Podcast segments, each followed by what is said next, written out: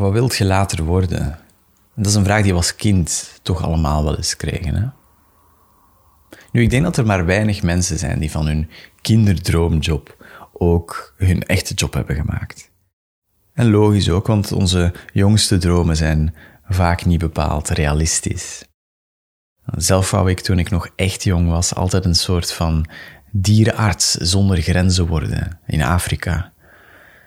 En toen ik mijn zoon dezelfde vraag stelde, zei hij dit. Wat wil jij worden later?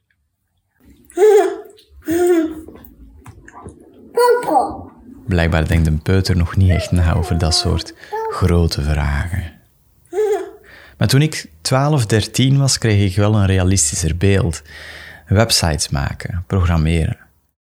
En vanaf mijn vijftiende ging ik dan een richting volgen die zich daarop toespitste. Je zou kunnen zeggen dat ik van mijn hobby, mijn passies, echt mijn beroep heb kunnen maken. Maar zo simpel is het niet. Deze podcast gaat niet over onze kinderdromen. Het gaat over de harde realiteit van opgroeien en onze weg vinden naar een job. En wanneer je die dan eindelijk gevonden hebt, over hoe een droomjob toch kan veranderen in een nachtmerrie. Dit is The Job.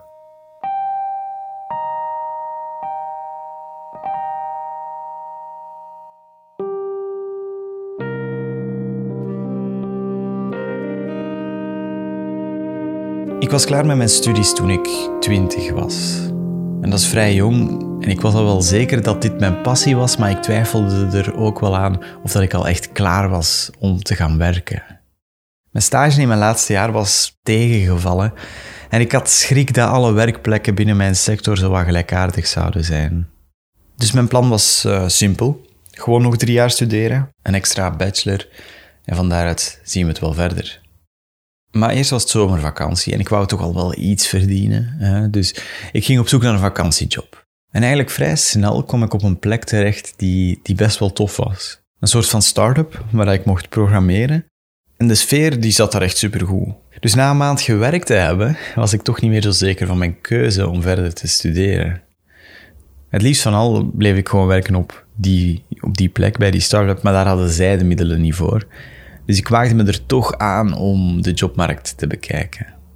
Trouwens, als er één ding is dat ik geleerd heb op school, is dat onze manier van onderwijs ons totaal niet voorbereidt op de echte wereld. Zelf met drie maand stage had ik geen idee van hoe het dagdagelijkse leven in een echt bedrijf er zou uitzien voor mij.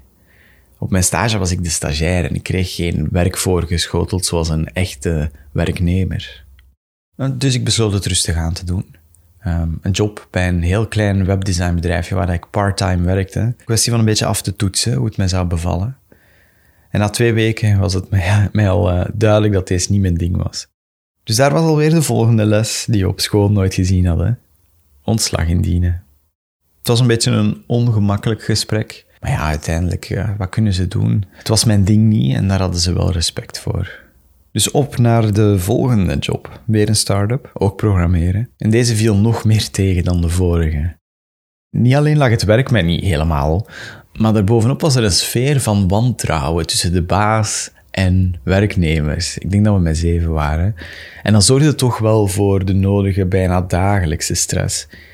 En kijk, dat is dus wat ik bedoel. Hè. Op school hebben we jobbeurzen gehad en hier en daar is een les over solliciteren.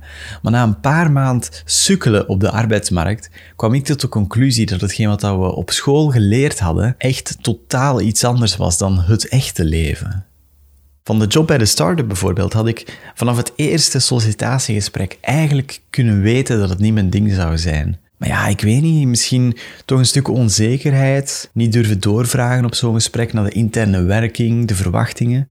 Ja, aan de andere kant uh, een ongezellige sfeer waar de baas, of ja, bazen eigenlijk, ze waren met twee, waar die constant achterdochtig zijn of dat je je werk wel goed doet. Dat had ik misschien niet op voorhand kunnen weten. Dus na een drietal maand was het mij echt wel genoeg. Uh, ik was dan niet gelukkig.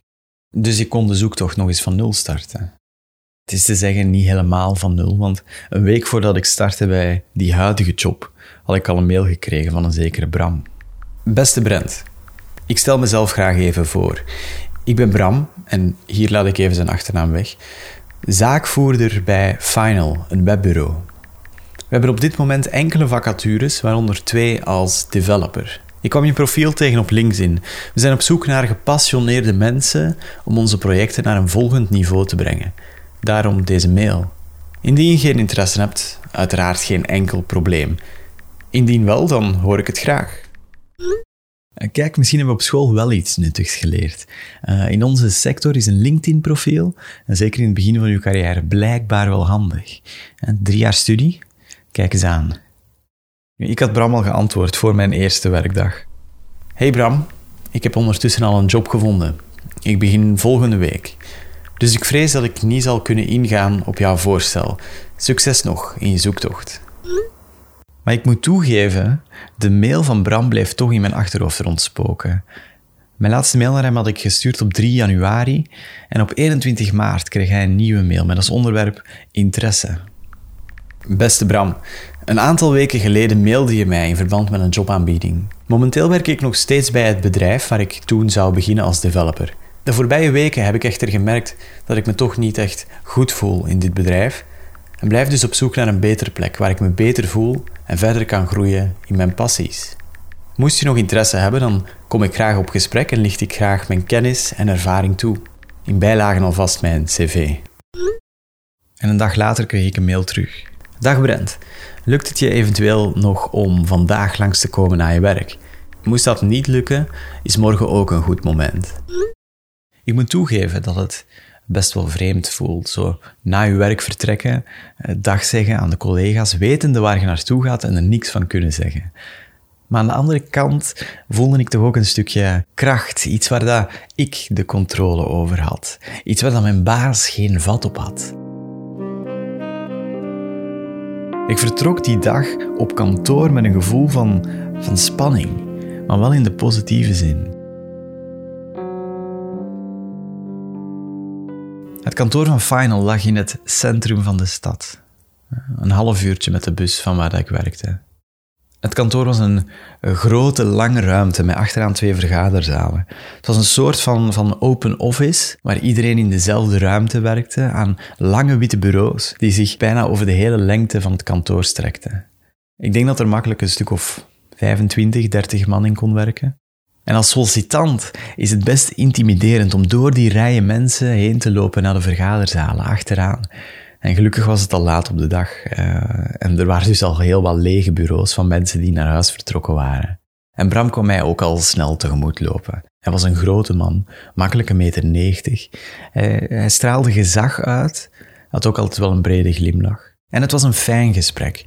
Ondertussen wist ik ook beter wat voor vragen te stellen om te polsen naar de werksfeer, eh, de details van mijn taken.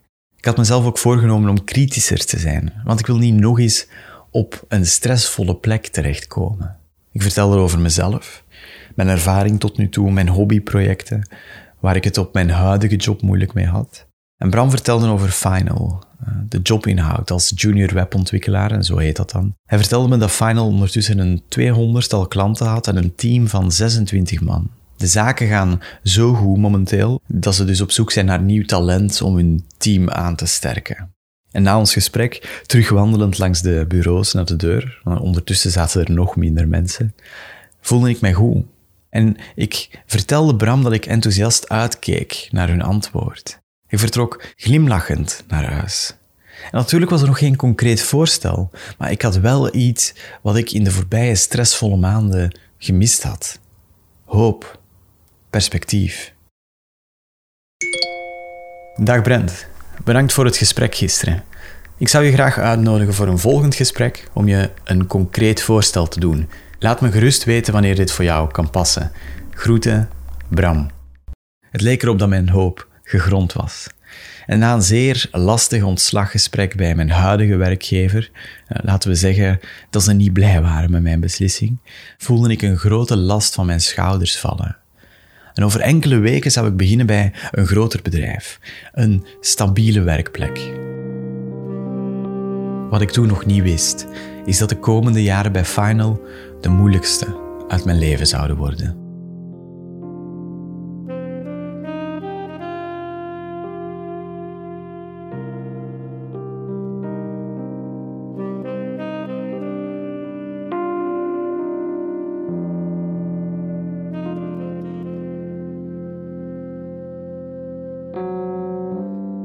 De Job wordt geproduced en gehost door mij, Brent Rozen. De muziek is van Kevin McLeod en dit hele verhaal is waar gebeurd. Enkel sommige namen en details zijn aangepast om de privacy van de betrokkenen te beschermen. Laat zeker ook je review achter, gelijk waar je deze podcast luistert.